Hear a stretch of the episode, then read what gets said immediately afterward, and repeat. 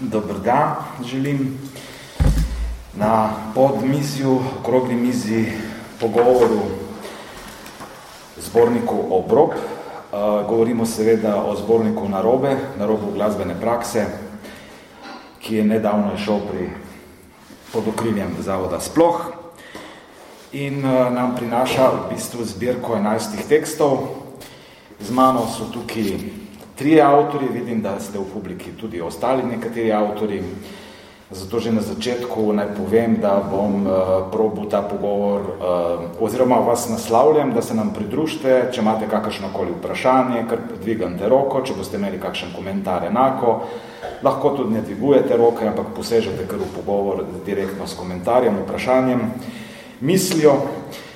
Uh, drugače so pa tukaj z mano z moje desne, spravi z vaše leve, Luka Zagoričnik, uh, urednik tega zbornika, z moje leve pa še Žiga Pucel in skrajno levo uh, Ičo Vidmar.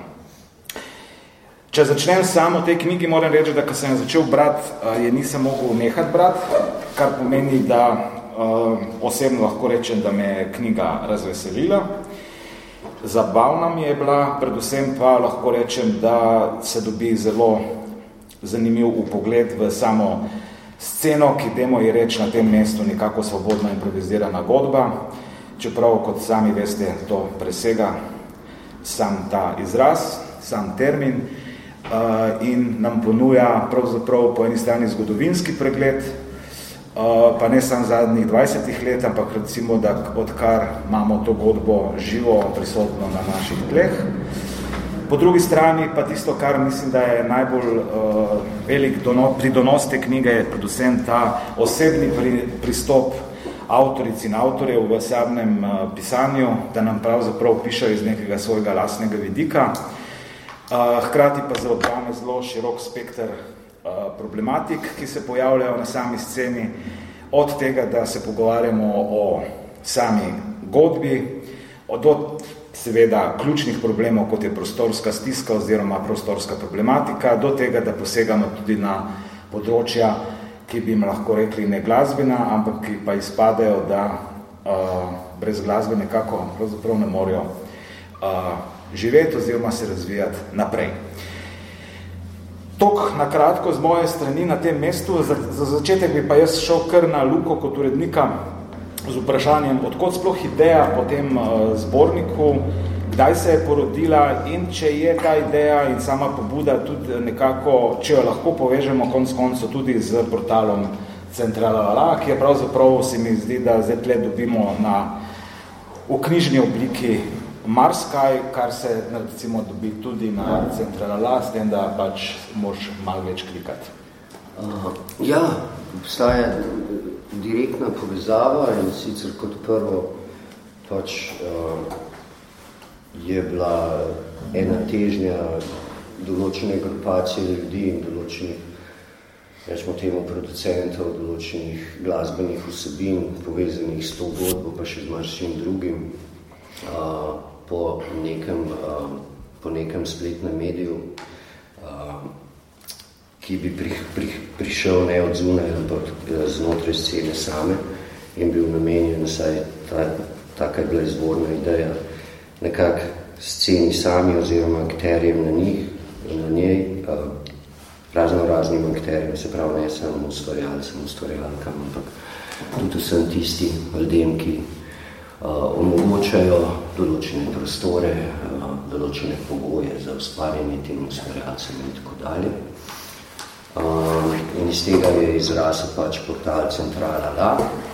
Uh, usporedno s tem pa je strani zavoda sploh prišla tudi ena širša ideja po neki tiskovini, uh, ki bi na nek način zaobjela vse to, kar ne bi se uh, na Centrala La predvidoma odvijal eh, in tiskovalo ta medij in to zabeležilo v neki knjižni obliki oziroma obliki nekakšnega zbornika, ki bi uh, zaobjel različne tematike, različne avtorje, avtorice, avtorske pristope, različna razmišljanja, različne vidike in tako dalje.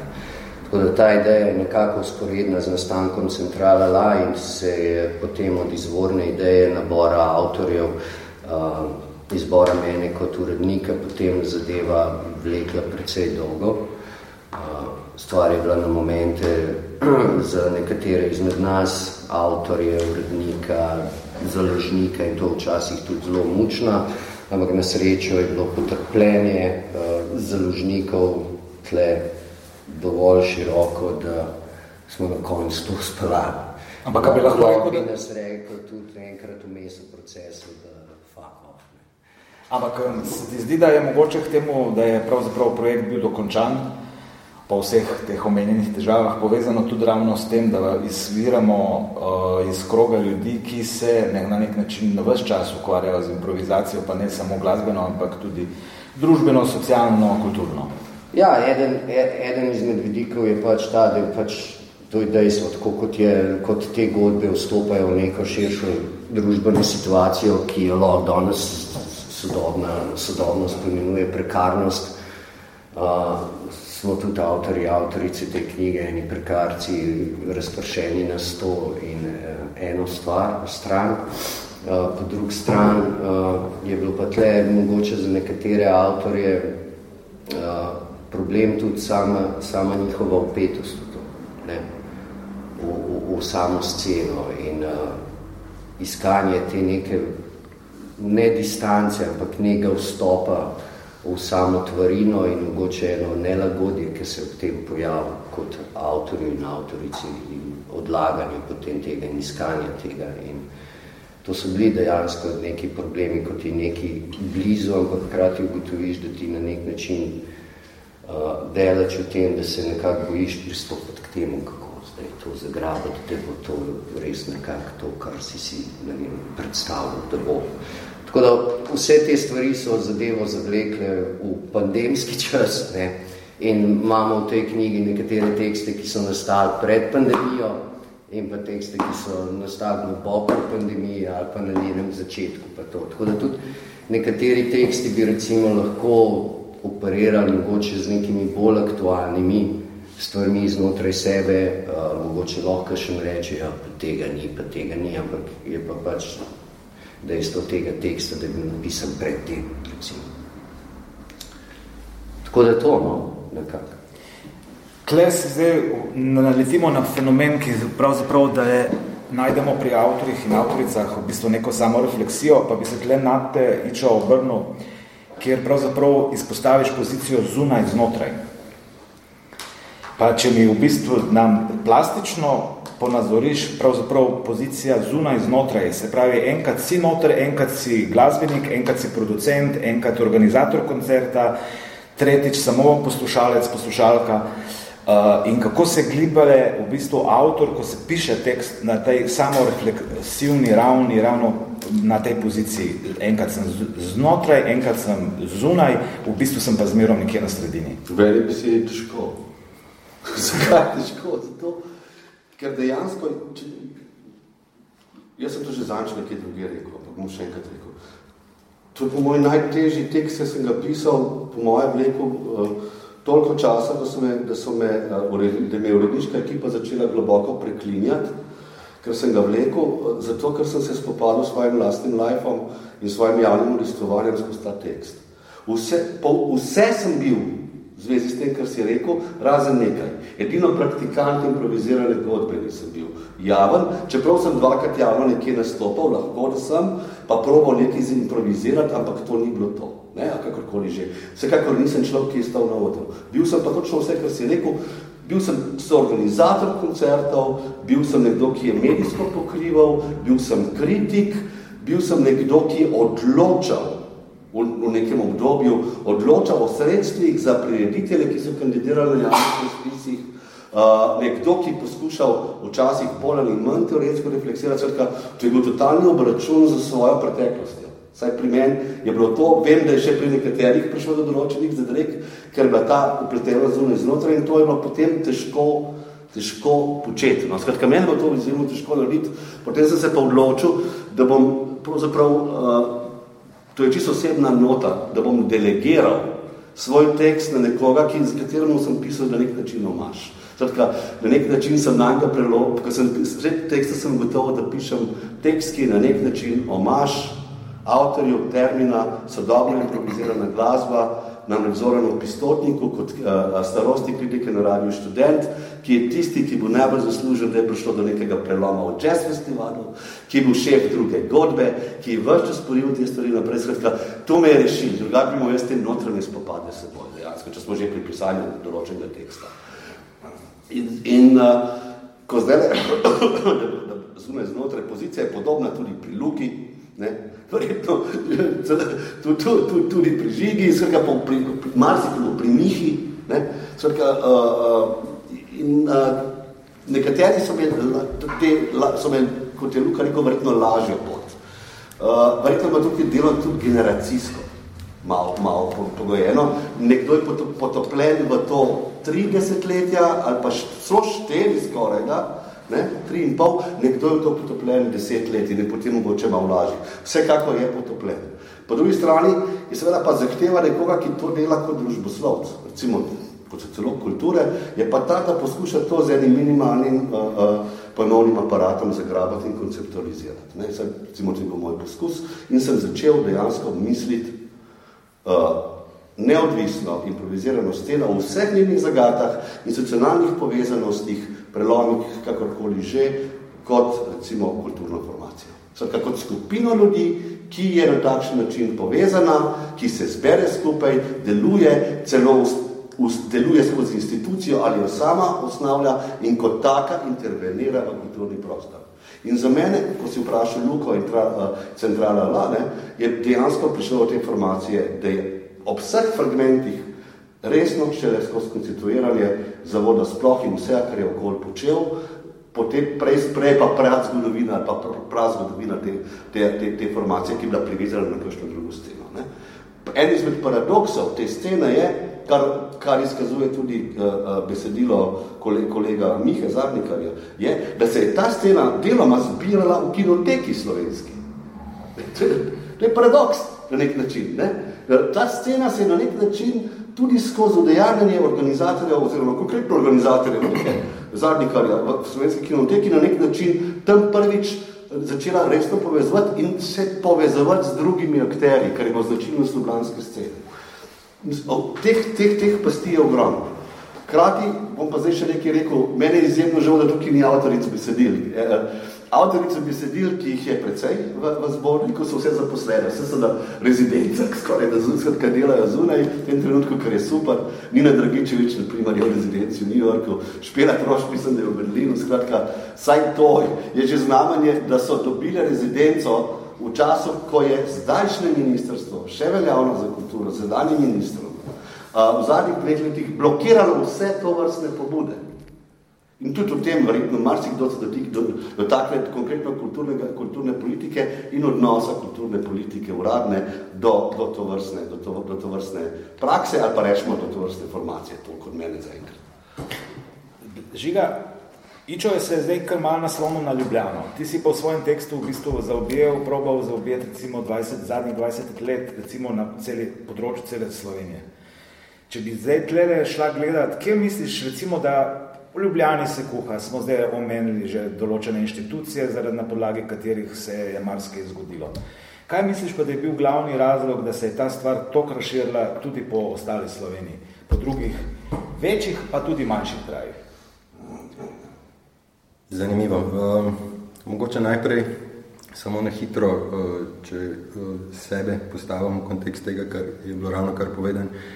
Um, Zdaj, dobra pozicija zunaj znotraj, sem imel nekak srečo, da sem uh, pristopil k temu ne tako osebno pleteno, ker pač nisem bil zaprošen za to, da ne napišem besedilo osebni izkušnji ali pa um, neke vrste mnenjsko besedilo, strokovni esej, karkoli, ampak sem bil zaprošen, da naredim nek pregled uh, scene v smislu uh, prostorov, ne, z v bistvu izhodišnjim pojmom samoniklega prostora, samoniklega prostora v, v, v središču. Ne. Tako da v bistvu sem imel nekak tudi kot sodelavec radija študent, kar velikoletni. Zanimivo uh, dispozicijo tukaj v smislu, da uh, po svoje sem prvič skor v življenju na nek način se počutil, kot da se malo bolj bližam neki objektivnosti, skor ne rano obratno, zaradi tega, ker uh, mislim tudi najrešo tako, da pač skor eksplicitno tega nočemo, ne, če, če smo to pravi. Tukaj pa je bilo tako, da v resnici seveda nisem bil objektiven, seveda sem imel urednika, ki mi je predlagal, s kom se bom pogovarjal, seveda sem izbiral sam tudi to, kaj bom konec koncev vključil v to besedilo. Uh, je pa bilo res, da sem se lahko v veliki meri odmaknil, ker je scena uh, na nek način, ne bom rekel enotna, ampak vse ne, gre za, uh, gre za neko, recimo temu, uh, ideološko bi bilo preveč, ampak vse po nekih načelih uh, sorodnosti scene, pač uh, akteri scene so v tem smislu nekako sorodni, tako da so mi dovolili povedati neko dokaj objektivno zgodbo v tem smislu. Uh, če pa grem zdaj na tvoje vprašanje, um, zdaj jaz ne bi pre, bom ostal pri teh zadnjih 20 letih, da ne bom preveč uh, segal v, v obdobje, o katerih gotovo manj vem.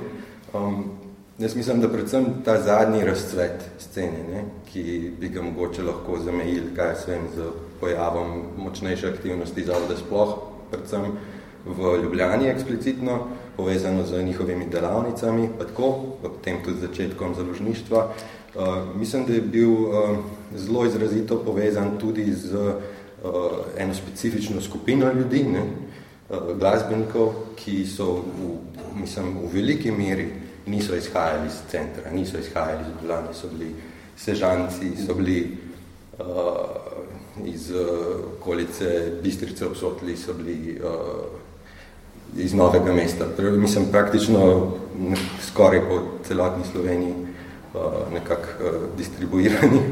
Um, in uh, en velik del tega je tudi bil, da veliko teh posameznikov ni bilo samo glasbenikov, ni bilo samo uh, umetnikov, ki so iskali priložnost za muziciranje, ampak so bili tudi nasplošno pobudniki uh, aktivnosti, druženja tudi v svojih lastnih lokalnih okoljih, ne samo v Ljubljani.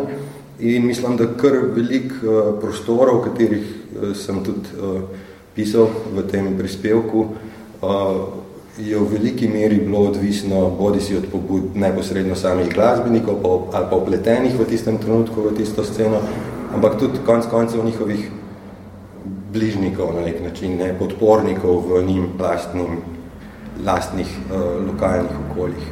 Tako mislim, recimo, če se obrnem tam na Mikjo Hlupiča, ki ga sam nisem nikoli poznal zares kot glasbenika, ne, čeprav vem, da se tudi sam ujel ukvarja s tem, pač on je sigurno uh, tudi v tem kontekstu že uh, takrat zgodaj se nekako sporedno pridružil dejavnosti v Ljubljani z svojo aktivnostjo v Mariboru, pa potem kasneje v Bistrici obsotli uh, in tudi uh, kasneje ne gre za vrhniko ali pa še bolj zgodne neke malo bolj skvoterske poskuse v novem mestu na obali pa tako naprej.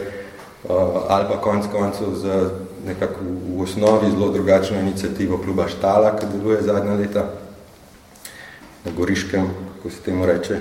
Um, torej, v veliki meri gre za uh, izrazito povezanost akterjev, ki izhajajo iz celotnega področja Slovenije, skozi um, dejavnost uh, nekaterih po moje ključnih akterjev, ki so tudi delovali čisto povezovalno, pa centralizirajoče v Ljubljani, pa tudi druge, ne, in potem uh, povsod drugot. Ostal bi za trenutek, pa ne, da bi ravno pri teh prostorih, v bistvu, ko se bere, se začne, mislim, jaz pač, sem bral, sem marsi kdaj se znajdu v situaciji, da se recimo probleme prostorov začeti povezovati v bistvu s tradicijo bojev za prostore na slovenskem.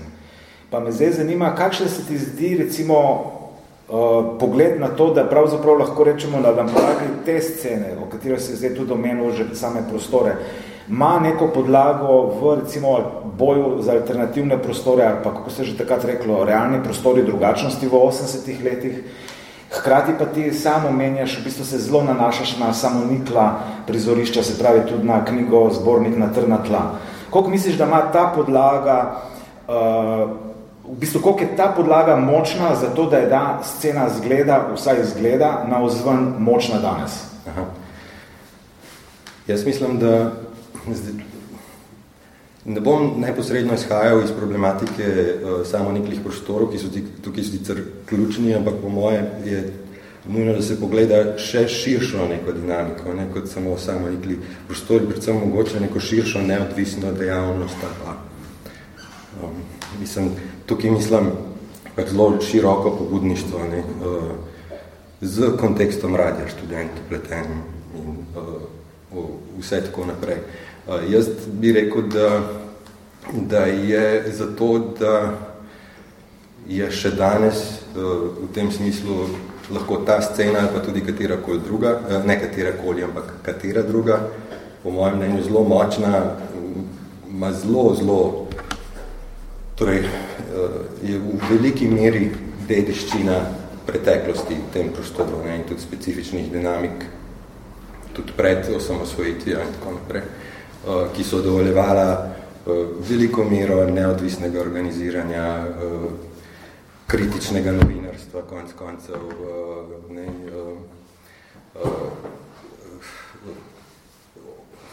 bor, ne vem, če bi rekel borbe za prostore, ampak bolj neke kultiviranja tudi prostorov in tako naprej. Tako da v tem smislu mislim, da je uh, vsekakor tle, uh, mislim, gre za veliko pomembno dediščino in da je to nujno pravzaprav vedeti in poskušati razumeti, če poskušaš razumeti to, kar je danes in tudi to, kar bi lahko bilo v prihodnosti. Tako da um, vsekakor, no, tle je odgovor ja. Uh, druga stvar pa je to, ne, uh, kakšne so perspektive, za, oziroma najprej tako, kakšna je aktualnost v primerjavi z to preteklostjo in kakšne so perspektive za prihodnost. Tukaj mislim, da so odgovori bistveno pesimistični, pesimističnejši lahko, zdaj ne nujno, pač ne. Mislim, da bi bilo neopravičeno govoriti o tem, da je scena v polnem zosu ali neki pač neočitno v veliki meri pač na neki uh, njej primerni kvantitativni ravni funkcionira, živi in je precej plodna, produktivna in tako Um, mislim, sploh eh, scena, kakor se je razvila v zadnjih 15 letih uh, ob tej glasbeni kulturi, uh, je lahko v številnih vidikih razumljena kot izredno močna, po mojem mnenju. Je pa dejstvo, da nekatere te zadeve, ala uh, okoliščine, ne, produkt, ne, če bi rekel produkcijski pogoj, ampak pogoji, v katerih pa se lahko razvija podobna kultura, kakršna je tukaj, recimo temu cvetela dolga desetletja, pa so se bistveno poslabšali. To je pač opažal v resnici že Rajko Muršič ob izidu svoje monografije, eh, ne samo pesimistično napovedoval, ampak že opažal, pač, da, da gre za zelo težavno situacijo za recimo um, samoniklo organizacijo mladih. Ne. Eh, s tem misli predvsem um, uh, delovanje v veliki meri uh, mladinskih skupnosti, ki jim je dovoljeno organiziranje in vodenje zadev od spodaj na zgor uh, v uh, praviloma javnih prostorih, ki so jim na tak drugačen način dani uporabni. Uh, tukaj sigurno uh, so okoliščine danes uh, bistveno slabše, če ne, če ne bi celo lahko že v tem trenutku rekel, da da skoraj ni več takih prostorov. Ne. Uh, in da skoraj ni več tudi videti okoliščin, v katerih bi si lahko predstavljal, da bo ta zadeva v neki bližnji prihodnosti na kakršenkoli podoben način, kot je to bilo v preteklosti delovalo. In podobno je tudi konc koncev, ne, če, če mogoče sam še en malo kratek ovinek si uh, dovolim, ne, če, če, če bi lahko vzpostavljanje najprej mladinskih centrov, pa potem uh, tako imenovanih študentskih klubov na pobude občinskih oblasti oziroma pač z podporo whatever, v lokalnih okoljih uh, usporedil malo z recimo aktualno situacijo radija študent in pač neke uh, študentske samovolje, ki pač z nepoznavanjem in naivnostjo in uh, spoh ne vem, katere grde besede bi še lahko uporabil za to praktično že desetletje in več pometa s tem radijem, to inštitucijo, ki bi, jo mislim, da res morali uh, izjemno ceniti v tem prostoru čisto neprimerljivo v smislu tega, kaj pozna ta svet sicer. Uh, torej, če, če sem sam to izpostavil, je tudi širša infra, infrastruktura v potencialnem ZOS-u, finem. Um, zdaj pač lahko bi se še ful odpira tukaj vprašanj z nekim uh, z, podmlaj, z potencialnim pomlajevanjem in tako naprej, kar mislim, da pač zdaj ta trenutek ni smiselno, ampak uh, situacija sigurno ni varna in gotova, tako kot ni varen in gotov pač ta cel prekarjat, katerega ki bistveno zaznamuje to, v čemer se ta situacija, ta scena, ta kultura danes najde. A lahko interveniramo. Ni naravne vezi, to nam zgodovina dokazuje, med, med produkcijo neodvisnega avtonomnega prostora in improvizirano godbo kot neodvisno glasbeno prakso. Zgled je Metelkova. Če boste prebrali njihov tekst, pa še kaj še druge, je jasno, da improvizirana godba na začetku na Metelkovi ni prišla zraven. Ker so bili akteri, ki so to furali, ključno z drugimi klubi drugačni in tedaj improvizirana godba zelo relativno pozno potreba Metelkova. Srka, to, to je že en že nekaj, kar, kar je zelo ključno. Uh, to velja verjetno tudi, tudi za pekarno, mogoče kdo lahko potrdi to, uh, ker tega ni. Ne? To, je, to je že nekaj. Kar pomeni, da tukaj se ukvarjamo s konkretno pobudo, konkretno formacijo, ki rabi prostor ali pa določimi akteri, tudi recimo tisti, ki se ukvarjajo z organizatorja koncertov, prireditvi, prireditvijo in tako naprej, nurenje prostora in tako naprej. Zato pravim, da je prišlo do bizarnih reči, da imate preboj v Ljubljani v nekem letu, uh, v nekem obdobju, v času, ko Metelkova obstaja, ne, skozi to, da se, da, da se skozi program in drugače zadeve furajo skozi program slovenske kinoteke. Kar, kar zadeva medijev, je zadeva relativno stalna, stalna in v osnovi dolgočasno zaskrbljujoča. Radio študent, nekaj časa revija glasbena mladina, uh, sedaj in spletni mediji, kot je centrala La, deloma nova muska, ki je nadaljevala, uh, in seveda spet katakomba znotraj javne radijske postaje televizije, niti skoraj da ne, skratka Radio Slovenija oziroma tretji program, program Mars. To je medijska konfiguracija, pa delamo seveda Radio Marš. Seveda, to čez pravzaprav ne gre. Ne? To, to so osnovne koordinate.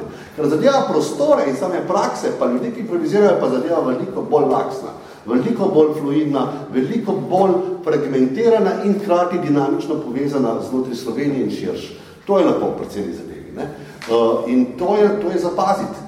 To je zapaziti skozi, skozi tekste v zborniku in krati tudi zato je dejstvo tudi, da se lahko na ta tip prakse, ki je prepustna, pa hkrati bi rekel, na nek način elitistično stroga, druge pa bi rekel demokratično prepustna oboje krati v igri, eh, lahko pridejo noter eh, eh, recimo izvajalci, ki veljajo za izvajalci z manjšo kilometrino, manjšo prakso in tako naprej in lahko znotri nekaj počnejo.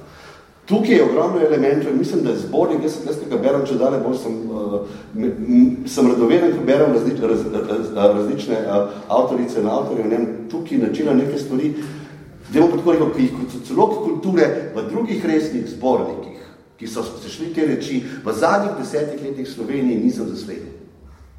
Ker tega sploh ne zaznajo iz kavča akademskega. Ker ne znajo terena pelati. Ok, to je že moja, bi rekel, ta sociološka opomna. Ampak ali mogoče to povezano tudi s tem, da pravzaprav se po eni strani pogovarjamo, kar se tudi skozi knjigo vse čas vleče, neinstitucionalna kultura, institucionalna kultura. In se v bistvu dogaja to, da ta neinstitucionalna kultura na nek način udira v institucije, kulturne institucije, ki imajo recimo nacionalen pomen, eh, hkrati pa s tem pravzaprav pokaže ta scena na nek način portret samega dogajanja in sponuja tudi principe, ki jih s časom tudi institucionalna kultura prpelje v svoj objekt, v svoj prostor. Se pravi, kaj hočemo vprašati? Hočem vprašati, ali je spet ta improvizacija, ki bom kar ostal pri tej besedi, ključen moment za te premike, ki se dogajajo na kulturnem področju. In Luka, zdaj bom šel uh, na te z vprašanjem, Ali se ti zdi, da ta scena pravzaprav provocira in na nek način je antipod tako uveljavljenemu izrazu, ki je sedaj med pandemijo malo poniknil sicer, ampak ki se mu je rekla kreativna industrija, katere so bile polna usta ravno uh, inštitucij, kulturnih inštitucij, uveljavljenih inštitucij. Mm. Ne, jaz ne bi rekel temu, ker v bistvu neke prakse, kjer ta, ta glasba uh, obstaja in in je omogočena in opolnomočena, niso prav nič drugačne, kot so prakse ljudi, ki se grejo, ne vem, neko DIY punk sceno ali pa podobno. Ja, so, so, so zelo sorodni v tem smislu in iz tega vznikajo. Imajo pa eno bistvo prednost, bistveno prednost uh, pred njimi to, da se nekako svobodno improvizirana godba kot nek hibrid, odmik od po eni strani džezovskih praks, po drugi strani praks v polju novih muzik, eh, sodobne, ne, klasične glasbe ali česar kol, je bila vedno dovolj intrigantna in na nek način tudi upeta in povezana s temi sferami, da je obstajala na nek način zanimiva za ta institucionalni del in je lahko napram DIY, noise, punk scenam vstopala vanj, ne, v njihove programske scheme, pa to. Jaz ne bi rekel, da je, da je potem model, po katerem impro scena dela na kakršen kol način vplival na nek spremembo modela v teh inštitucijah. Uh, jaz bi kvečeno rekel obratno, na nek način je zame cel, tista minimalna celica in trdoživost te scene, ta, da dokler obstaja nek flet, pa par muskonterjev, ki se s tem bavi, pa par navdušencev, ki to glasbo posluša, ima ta scena prihodnost. Te koncerti so lahko v tem fletu. In ta grupacija ljudi, ki je tam, je, je v tem na nek način samo zadostna. Za njih je to, uh, za njih je to uh, pomenljiv kulturni dogodek. Ni to žur, ni to, je vse to, ampak je v prvi vrsti je pa tudi en pomenljiv kulturni dogodek in ena celica, v kateri, v kateri ta scena lahko obstaja. To je Berlin. To je berlinska scena na nek način. Ne? Um, in iz tega se razrašča. In iz tega se plemenit in mrež med sabo in potem z so mišljeniki, akterji, ki prihajajo iz tujine in uh, gre potem na okolje in se kotali in ima Ti vstopi v institucionalno okolje so pa vedno enkrat bolj, drugič manj. V Sloveniji smo trenutno pač v nekem obdobju, kjer so neke, neka institucionalna okolja pač uh, sprejela to mece, celo sprejela v neka institucionalna izobraževanja, izobraževalna okolja, kar je bilo pred 20 leti nezamisljivo. Ne. In se to dogaja in uh, na nek način je improvizirana glasba vstopila tudi v muzikološki, slovenski muzikološki diskurs, kar je bilo prej nemogoče. Pač to ni nič, to ni. To je obsaja. Ampak, kaj se vam zdi, da je tle... Zdaj pa hočem reči pa to, da uh, kaj pa, kaj pa lahko se vprašamo obratno, kaj pa pol vstop teh god nazaj prinese njim, ne, skozi to institucionalno sito. A ne? Je pa vprašanje. Tle pa si še nismo na jasnem, ali pride pol neki tudi iz tega ven, ne? Nek hibrid, ki bi neki noga prinesel pa novo izkušnjo. Definitivno na nekih organizacijskih ravneh pa to prnese ne? in prnese. Pač, če sem po eni strani rekel, da je dovoljena ta minimalna celica, uh, je pa po drugi strani pač za sceno nujno tudi to, da ima akterje, ki so upeti v programe sofinanciranja, ker ne nazadnje, če je to programski razpis, lahko v nekem daljšem časovnem obdobju povedan čist simpel, omogočajo akterjem na sceni uh, proper gige za nek proper fit. Mm. In jim lahko skozi nekatere programe, če jih dajo v svojo zasnovo, omogoč tudi nek razvoj, neke, nek razvoj nekih mogoče bolj daljnosežnih projektov, uh, izdajanje plošč uh, in take stvari. in sta, na nek način sta oba dva pola nujna, ta drug je bolj formaliziran, sabo prenese tudi sranje na nek način, ne, uh, ampak sta pa na nek način za obstoj nujna. Hkrati sta pa oba dva skrajno krhka. Tudi ta, ta je še mogoče, ta je še bolj krhka kot ta. Te celice jo vedno bolj. Ne. Um, ta je pa, pač Slovenija ima v zadnjih 10-15 let ta moment, kjer te vsebine vstopajo. Prej je bilo pa tako, da komisija ni slišala za Zlatka Kavčiča, ni slišala za Bratka Biviča, sam veš. In ni obstajalo tem. Ne pojasno, sem ostalim tukaj. Med sedečimi zažigo, ne vem, smo kar trije bili v ekspertih komisije za glasbo na Ministrstvo za kulturo iz 1.97 in potem so sledno. Tako da imate upravka s kulturnimi odločevalci na področju, glasbenem področju, kar, kar, kar, kar zadeva mene, imam čisto vest, ker sem se zagovarjal, ker sem zagovarjal in spravil na zemljevit na finance s svojim fajtom, marsikdo med tima, zelo lež bom to rekel. To je spregledana reč. Tudi, bi rekel, z argumentirano odločitvijo to, da sem poskrbel, poskrbel z ostalimi vred, s fajtom, besednim, da je Jazz Theatre dobil svoje prva sredstva. Točno na podlagi tega, ker piše noter utemeljitev. Srka, tukaj nismo nedolžni ljudje, ki v tem debatiramo. Tukaj jaz se, da to pravim, da smo zunaj noter. Ampak tako je. Ampak tle se pojavi en, jaz vam, ko sem, ko sem delal recimo dokumentarce o pljuni istini oči eh, skupine Buldožer, mi se je v bistvu odprl en nov svet s citatom Bojana Adamiča, ki je pač Buldožerjem svetoval, ko so imeli svoje težave v 70-ih, bori se za svojo glasbo in to je v bistvu mi ostaja na nek način glavni slogan.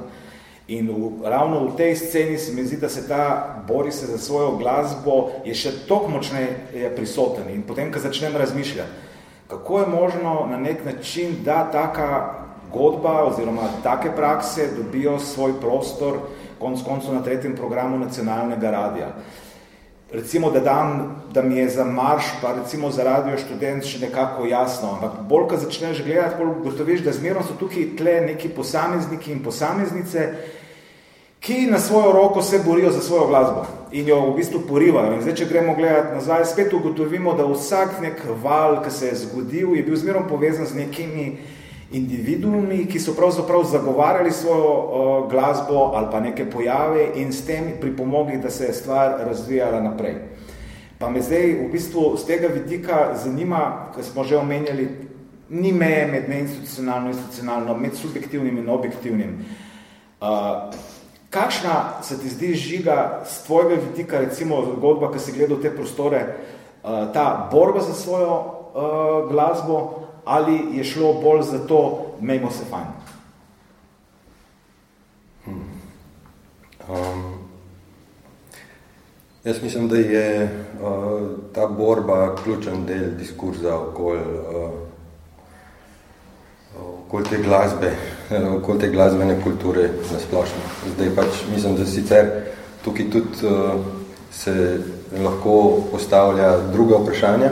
To ne pomeni, da da bi kdorkoli želel trditi, da, želel trditi, da borba ni bila pomembna, ključna, da ni v vsakem trenutku pomembna. Um, je pa možno razmišljati tudi v smislu uh, uh, ne, ne samo borbe, ampak tudi recimo temu pravice no, nečesa, ne? Uh, predvsem v kontekstih pojma, pojmov javnega in tako naprej. Ampak uh, recimo, no, ne dam primer iz uh, svojega, iz svojega dela v tem zborniku, uh, Žiga Gruden, ki deluje kot organizator na vrhniki, mi je želel, pravzaprav se mi zdi eksplicitno poudariti, uh, da v njegovem smislu on je pravnik. Za nje videti, tudi, da je pravnik in želi deloma na tak formal, ne bi rekel formalist, formalističen način v nekem slabem smislu, ampak v dobrem smislu, formalističen način razmišljati, torej tudi uh, poskušati res analizirati še globe probleme, ne, ki se pojavijo pred potrebo po borbi. Ne. Um, v tem smislu je on želel povdariti, ne, da mislim, da on tle to nekje spisan, da pač uh, da on svoje dejavnostjo ni osvajal uh, prostorov, ne, v resnici, da um, da, da tega ni razumel kot borbo, vsaj jaz sem si to na nek način tako interpretiral, pa da ni želel razumeti tega kot borbo, ne? Uh, ampak je želel uh, predvsem izpostaviti dejstvo, da dejavnost, kakršna, kakršno se je šel, um, uh, da je v tem šlo za, za to, da javni prostori z javnim delovanjem ostanejo dostopni javnosti. Ne?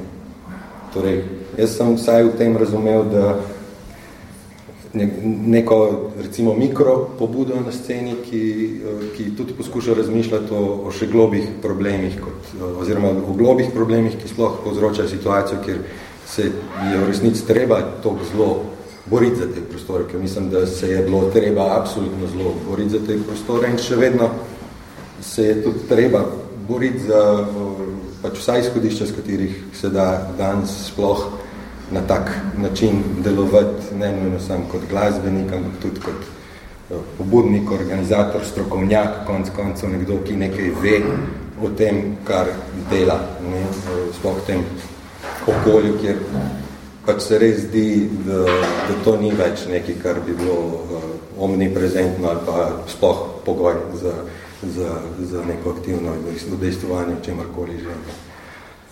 Mogoče sem pač malo na kratko to povedal. Pač, eh, težko se bom jaz postavljal kot tisti, eh, ki bi zelo slavil neko borbo, ker preprosto se ne bi želel identificirati z nekom, ker preprosto nisem nikoli bil eh, del uh, kakih kolektivov, ki so um, aktivno si nekaj priborevali ali pa priborili. Ne? Pečemu sem malo spremljal in spoštoval te ljudi, nisem pa tudi sebe razumel kot nekoga, ki, ki bo v tej poziciji.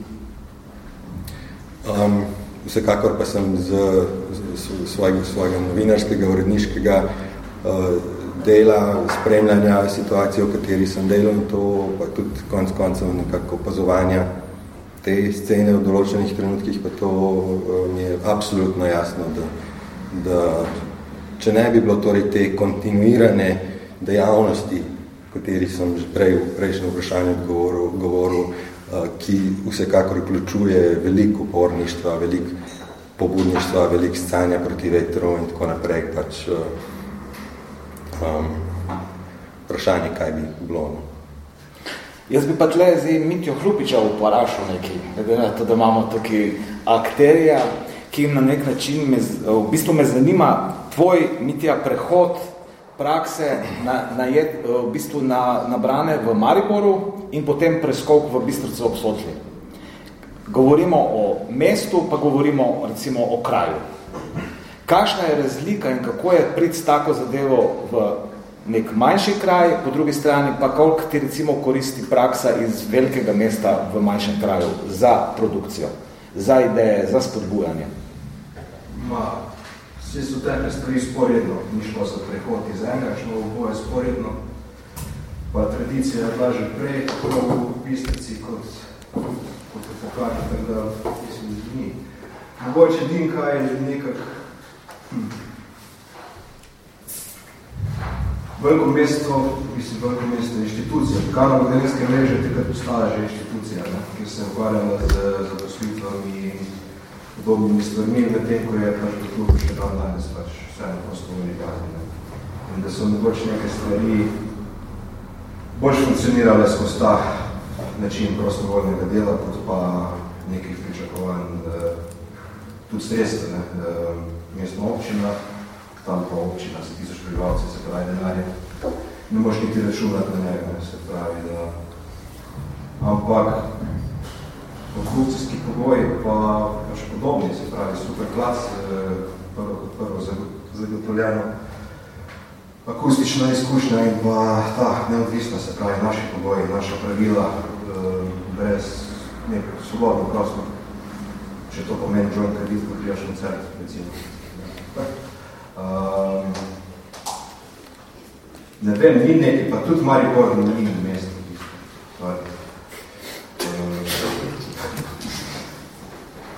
Neke razlike. No, pač. Razen, da v nekih trenutkih vse opisno, pač, koliko je ta ekipa velika, ne, koliko si, da je vse na tebi, ne, ker na začetku si pač vse, ne. Uh, in konc in na vratih in v šampu, ne. in organizator in uh, promotor in vse. Pol pa se ekipa nabere in potem uh, razpada. Znova, to je pač realnost, tako vaša kot pekarne, kot konc koncev tudi pač klubovi tudi. Uh, ne doma žene, se nabere, razpade in novo že pač kasneje 15 let. Obdobje, obdobje nekih, kako vem, pet let, mogoče, pa tri.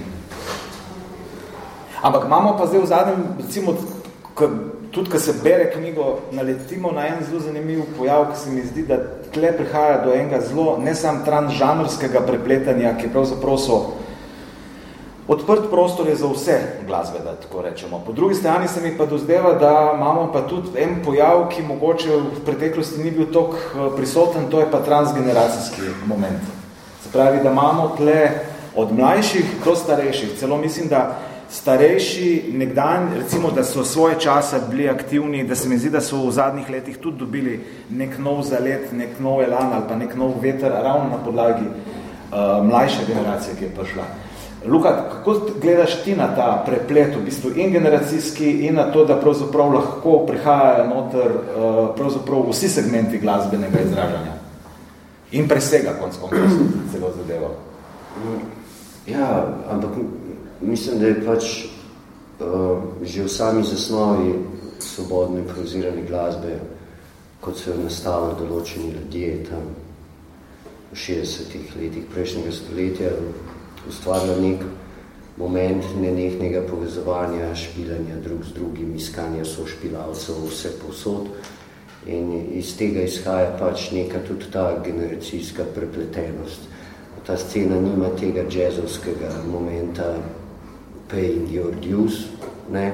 Tam, ki, tam je ta medgeneracijski moment predvsej močen v tem smislu, veš pa ti najprej to mulo, pa už pa lahko sviral z nami.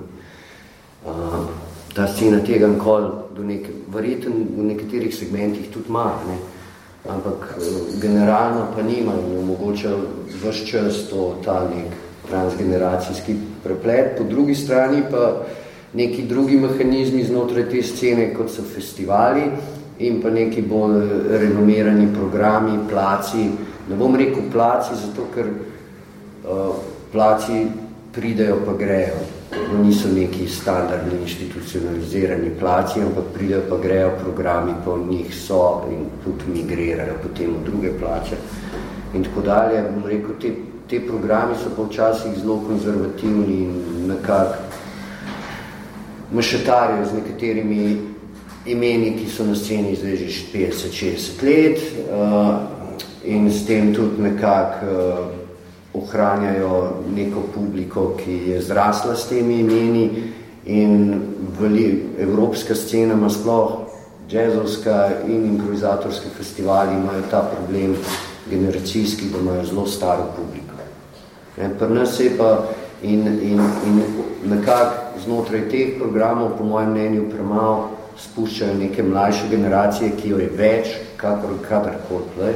Ne na zadnje se zdaj tako imenovani svobodni improvizatorji reproducirajo že skozi uradne izobraževalne inštitucije ne, in prihajajo iz teh okolij a, in a, jih, jih ne vključujejo dovolj v te programe in s tem se publika ne meša treba je vedeti, da velik del, tako kot sem prej rekel, ta mala celica in se pol malo razraste, ampak velik del te scene, da nekako se reproducira, da se ohranja, uh, so glasbeniki sami, se pravi praktikanti sami, ki so in poslušalci, in uh, ustvarjalci, in uh, publika, obenem, ne? in neko kreativno jedro, ki drži vse skupaj skupaj in se razrašča in komunicira z okolico in so mišljeniki na okolju. E, tako da to je rato nek problem v Evropi, Slovenija pa si, mi smo pa tle šele neko jedro se je ustvarila. Ne? In imamo ta moment, da vsi, ko pridajo sem v skontari, gledajo, wow, koliko imate vi mlado publiko, tle, koliko je tle the best, koliko je tle čist drgač. Ne? Uh, in in je to en ta moment no, tega. Uh, kaj je bil že tisti drug del? Um, Transžanrsko svet. Transžanrsko svet. To je pa zelo počljivo. Ne? Uh, včasih je bila scena dosti bolj transžanrska, se mi zdi. Kot je Ičo rekel, nek metelkovski moment, ko, ko so te godbe vstopile v ta metel, metelkovski moment, so vstopile z marsikaterim drugim godbam. Noizem, ne, raznim sodobnim odvodom, hardcora.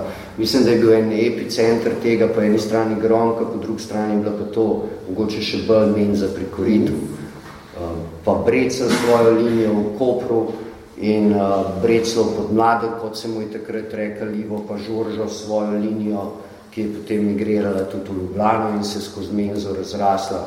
In, to, in, in je bil to en tak moment, ki se je pa pol nekako Se mi zdi, da se je svobodno improvizirana godba pri nas začela nekako samosvajati in da danes govorimo o neki taki praksi, ki naj bi neki sama proizvajala tudi svojo prakso, začel skozi njeno, uh, njeno vstopanje v neko formiranje uh, programov, ki so na to vstopali v te formalne mehanizme sofinanciranja. Takrat so ratele eksplicitne serije posvečene samo te muziki. Ne? Pa to. Ne? In to vrstni program. In če govorimo o sami muziki, bi rekel, da načeloma je to res odprta, svobodna forma, ki pa ima svoje kode in je zelo zakodirana in neke transžanrskosti na nek način jo dovoljuje, hkrati se jo pa zelo izogiba. Ampak to je tudi v načelu to, da ne bi se izognila na nek način žanru na splošno. Ne? Ampak seveda s tem pa skreira neko formo, ki skreira nek svoj žanr. To je njen paradoks. Ali je nevarnost tega zbornika, da pravzaprav bo zdaj zakoličil pravzaprav nek trend, da tako rečem, tako ta zadeva mora izgledati? Ne, ker je zadrega vseh avtorov velika. Ja. In so orije velike in jih si priznamo v vsakem tekstu posebej. Ne, narobe, mislim. Najslabše bi bilo, če, če bi se na ta način ga bral, mislim, da to ne dopušča ta, tip, ta način teksta ne dopušča, da bi, da bi tukaj le pravzaprav, ne, ne, ne samo to, da bi bil to spomenik, ne, pokop improvizacije v Sloveniji, ne, narobe. To mislim, da ne, narobe. Vsak tekst ima to, kar pori, koliko jih ima sama praksa in to je dobro. Skratka, nedoslednosti, apori proti slovi, kot jih imajo, kot jih imajo, je pa, da družba jo razmerja. No. Skratka, to se mi zdi to dragoceno. Edin, dobro pri njemu je, da so opažene tako partikularno oziroma tako drugače merjena pri vsake avtorci pri avtorju. In jih je treba da skrižno brati tekste, da prav, v bistvu jih je improvizirano treba tudi brati, po moje. Skratka, strogo in improvizirano, ker improvizatori so. Ne pozabimo še nekaj glede, to, kar je Luka rekel, glede kultur, Luka se je konkretno dotaknil kulturne politike, kar pomeni, kulturna politika prizna točno konkretno skupino improvizatorjev z njenih programov in tako naprej, da dobijo prakse, ne v okviru nekega, da so, da so del neke, neke druge organizacije in tako naprej. V tem primeru so improvizatorji v nekem obdobju dobivali prek kulturne politike konkretno podporo programsko kot improvizacijska skupina, kot formacija. Ne? To je novost koliko je Luka, 15 let, ne vem, če, če, če ni več, če več ni. Zraven pa je zdaj nekaj rekel. Improvizirana godba tako v tujini kot pri nas je na trgu glasbe, a je hkrati tudi pravzaprav želi biti vedno zunaj njega, hkrati pa je mnogo čem odvisna od postržnih ustanov, kot je to, na primer, sodobno javno patronstvo, torej javna podpora. To je ena več. Na to se žigo tekst nanaša, ne, da so zade pri prostorih, na to se moj, pa še če, če, če, v tem zborniku. To je, to je zaključna reč. Zgled moj metafora, ki jo bom dal, je umik džeza, kot pahljače sloga zgodovinskega, za radija Slovenija drugega programa na radio Ars kjer je seveda nevarnost improvizirane godbe v Sloveniji, če kje druge. Ko vi umaknete jazz, dejansko so ga umaknili, na radio Ars in mu s tem date izrazito umetniški pečat. Srka, jazz kot glasbena umetnost, enakovredna umrli, glasbi umrlih, ne, od Beethovna do Stravinskega, Mislim, da ste se gadno zajebali in ste zajebali živo glasbeno prakso in jo pokopali, točno vas pomeni, kot je, kot je program Mars. Ne glede na to, to, da Luka tam dela dobre oddaje, da jih Primoš Trdan dela in tako naprej. Kar pomeni, da ste artificirali tudi diskurs, o katerem se bo v tej muziki dogovorilo. Kar pomeni tudi to, da ste morda tej muziki vzeli tiste stične točke v praksi, ki so ravno netržne, ki niso podprte, ki so eksperimentalne pri metalu, pri hip-hopu, pri scratchingu, kar pomeni, da se greste umetnjakarstvo iz te muzike. Ne glede to, da ima umetniške pretenzije.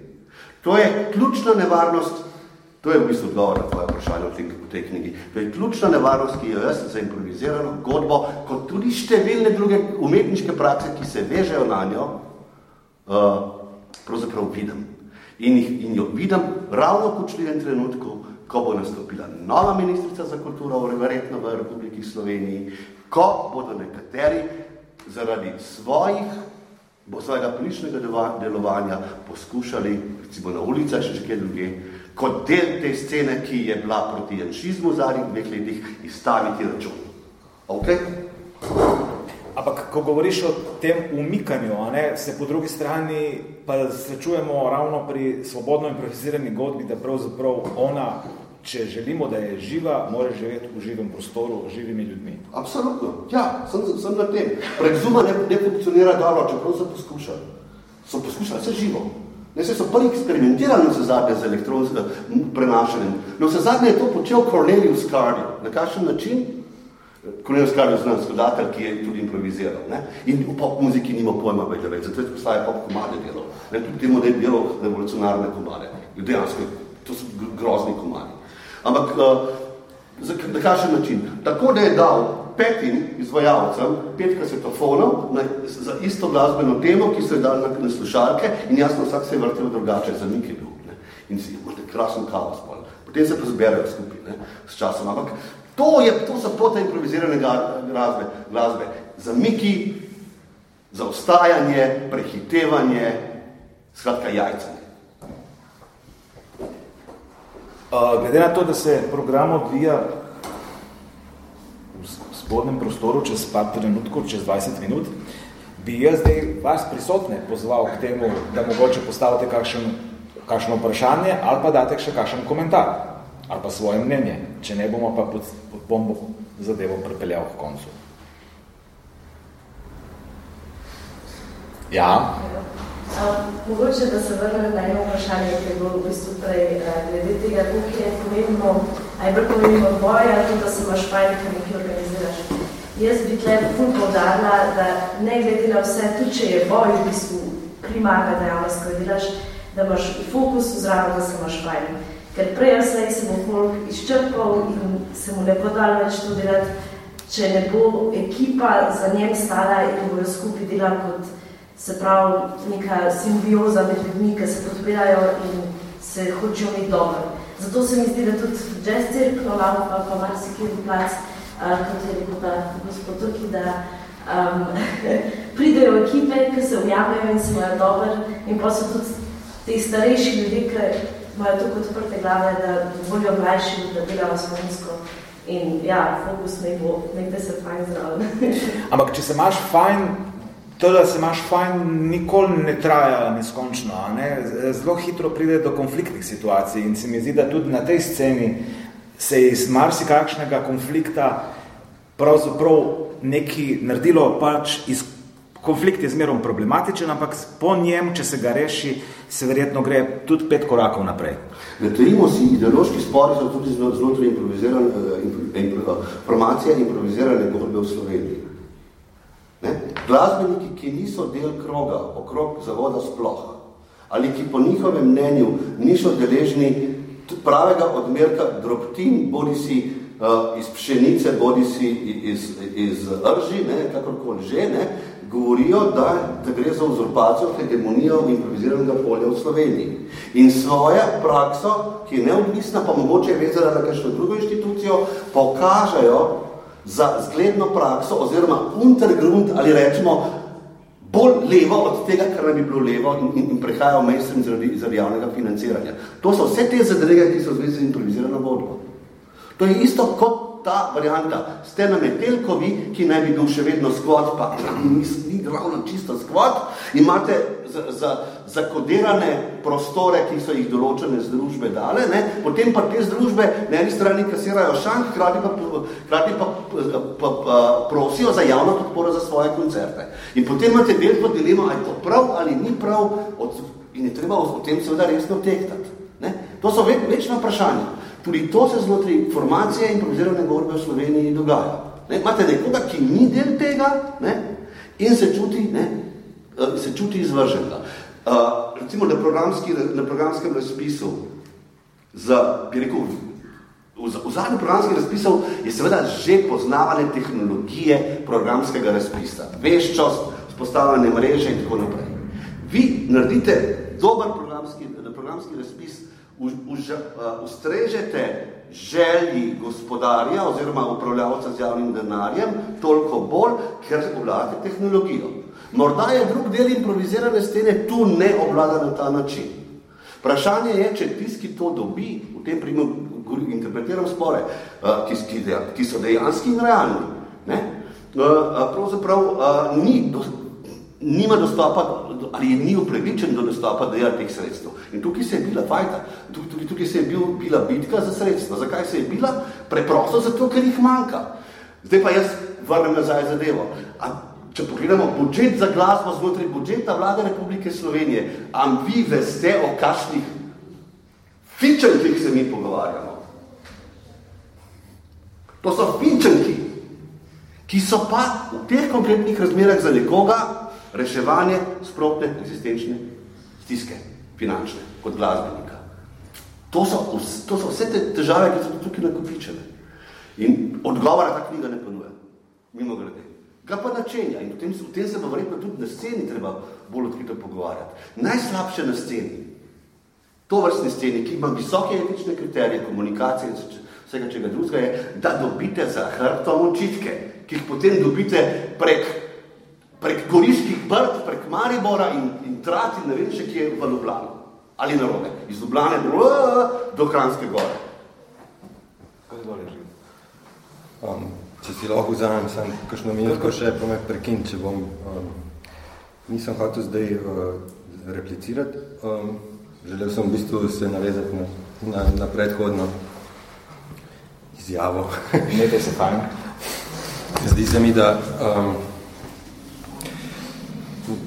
recimo, če govori o mojem, to je čisto moje osebno razumevanje, če, če, če se poskuša razumeti ta, ta zadnji razcvet improvizirane muzike pri nas, eh, je treba, mislim, da kar dobro šteka to, da uh, ni zadeva odvisna od tega, da začne nekdo koncerte organizirati. Ne? To je povezano s tem, kar je Luka tudi prej govoril. Jaz sem bil, uh, ne, imel srečo ali pa pač uh, karkoli že, da sem bil kot ne glasbenik večinoma, tudi kdaj, kot sem se udeležil, tega bil del um, sprokovih delavnic v začetku. Ne.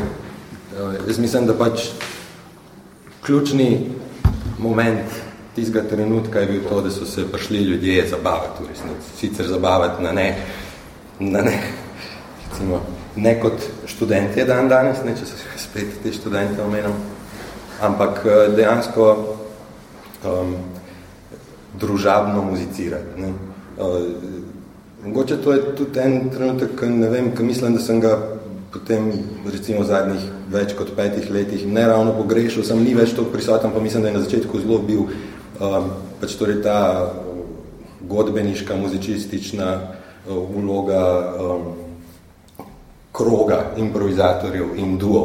Ne. Uh, Eh, tega, kako so te delavnice, ne bom rekel izvorno izgledali, ampak v tistem času, ko sem jih jaz opazoval, prišlo je zato, da, um, je, da so se glasbeniki vsedeli v krok in v bistvu en je igral z drugim in potem naprej, naprej, ne?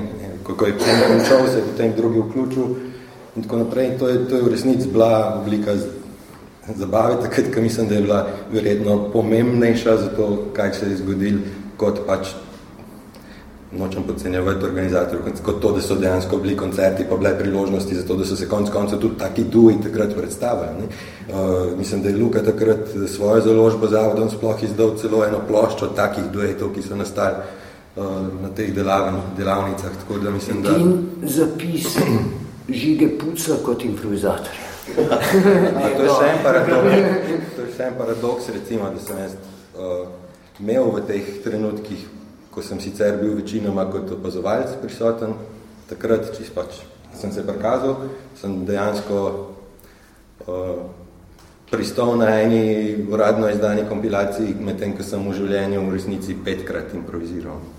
Kar ne vem, kako si boste to eh, razlagali, ampak pač to je realnost deloma bila tega, ne, ne pravim, da karkoli se pomeni, ampak hotel sem izpostaviti, da to je po moje bil takrat en element, ki v resnici je element druženja, zabave, ne bom rekel zdaj tima, pa v, ne, uspešno organiziranega in učinkovitega tima, ampak v resnici dejansko pač tega, v čemer so tisti glasbeniki, ki so takrat bili uživali bolj kot uh, kot praktično vsem ostalim, kar so počeli sicer in so potem tudi naknadno v vse te svoje druge dejavnosti vneseli elemente, ki so jih takrat eh, razvili v eh, krogu teh glasbenikov, ki so improvizirali.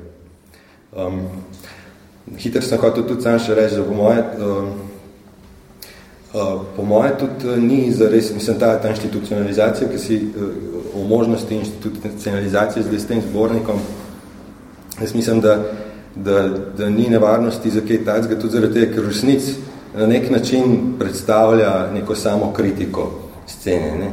Um, ker dejstvo je prvič, da v resnici kritike scene, kritike te scene ni velik, ni, uh, ni, ni kar tako posod raztresena. Mogoče v določenih trenutkih je ta scena lahko tudi malo preobčutljiva na kritiko. Zdaj ne vem, a bomo, ne bomo o tem razpravljali, ampak pač Mogoče bi lahko kdo kaj tako rekel. lahko ločemo čez kakšno leto.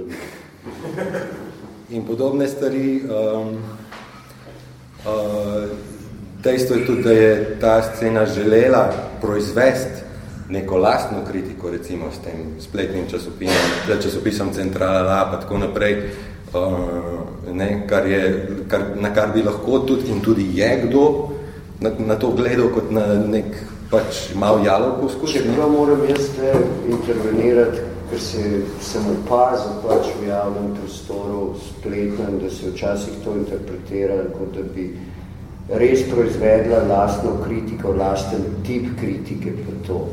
Ne, hotla je sam prostor vzpostaviti, kjer se kritika lahko objavlja, razvija uh, in v tem smislu uh, vabila pač avtorje, avtorice, ki jih je lahko, ki so se odzvali, ki so imeli čas, nekaj čas, tudi na podlagi nekega finančne kompenzacije, ker za ston so izkazali, ni bilo ravno interesa, da bi ljudje pisali, so določene izjeme bile in so še.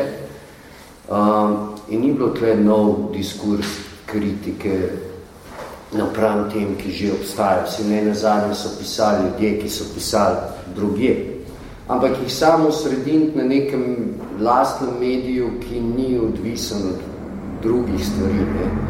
In jih krati so postaviti vsem drugim vsebinam, ki bi bile potencijalno tam. Ali bi bili to, rečemo temu, manifesti, artistični manifesti, osebne zgodbe, eh, praktikantov, eh, ustvarjalcev in tistih, ki delujejo na sceni v zadju, pa to. Skratka, mišljeno je bilo kot tak prostor, ne kot nek resen medij, ki bo zdaj proizvajal eseje, pa to, ampak uh, tudi, ne, če do njih pride. In tle, tle mu je, tle mu je spodletel. Ne. Tle so je pokazali, kako različno se mogoče dojemajo uh, določene stvari, regionalno, kdo, to, kdo stoji za tem in vse to. Ne. Zgodba pač o sredinjenja v Ljubljani je takoj vanodarna in to ne, in Ljubljana spet hoče pač povedati vsem, kako in kaj in tako dalje. In tle, tle, tle se zadev, rečemo pošteno, kar precej sfižba, ne, na, na, na razočaranje mnogih, ne, ker pač definitivno ni bilo mišljeno tako in centrala rasna zdaj praktično jaz, ki lahko v life to skedlam, da updateam, uh, da updateam koncert. koncertni napovednik. V času korone sta večino bremena nosili Špela in, in Brigita, sta se zelo angažirali kot avtorici z intervju in to in takrat. V času korone je medij zaživel, močno zaživel. Ampak pa se to pač eh, nam ni uspel prenesti to. Ampak jo še ohranjamo in ima še potencial in se lahko še kaj zgodi. Ne, v tem smislu. Ampak eh, v zadju so pa, to bom zdaj rekel, ker je tle možnost, ki je javni prostor, pa to, ampak v zadju pa spet te uh, out of nowhere špekulacije o kešu, financiranju in to, mislim, kot prvo mi gre na kozlanje, kot drugo pa, vsej smo tle, vsej se poznamo, vsej se lahko vpraša, kako je iz tem. Ne pa, da berem pa tam neke izmišljotine, ki jih je nekje natvezil enemu, pa jih je drug reproduciral drug. Jaz sem, sem, sem, ker nisem, ni bila niti moja, jaz sem sem hotel tako zelo formalističen smislu reči, da pač neke te stvari so bile de facto, mislim, iz, izrečene, ali pa bi se bi bilo možno misliti, nisem hotel nakazovati na nič, hotel sem predvsem reči, da mislim, da ta zbornik, vsaj v drobcih, vsaj za nekoga, ki globoko bere, ali kaj, ali pa pač ga globoko zanima, siguren vsebuje uh, velik uh, tudi nekih verjetno zelo plodnih elementov za premišljevanje tudi potencialnih nekih internih uh, težav prek teh scen za prihodnost, polemizira na nekaterih mestih in to, tako da ne, če nič drugega ni institucionaliziran, ne, ne predstavljam, ne more predstavljati tega momenta, zaradi tega, ker ker pisci poskušajo resno preizkušati situacijo. In to vse, mislim, da verjamejo vsi, ki to berejo. Mislim, jaz bi vlekel črto s komentarjem, da pravzaprav znamo je, da pravi se, da zmagovalci, uh, zmagovalec piše zgodovino, a ne, sam pa prihajam do skozi marsikakšne izdaje in delo, arhiviranje in podobno, da je zmagovalec tudi tisti, ki zna arhivirati svoje lastno delo in da imaš te dokumente. Mislim, da v tem primeru imamo dokument, ki je aktualen v tem trenutku in ki se ga bo dalo brati in iz njega črpati še veliko zanimivih stvari, 10, 20 let naprej, če še ne, še, še bolj naprej, če bo seveda ta svet sploh obstajal. Uh, vsem bi se najlepše zahvalil. Uh, poslušajte musko, uh, odprtih ušes, uh, in ne se dati, da padete z roba. Thank you.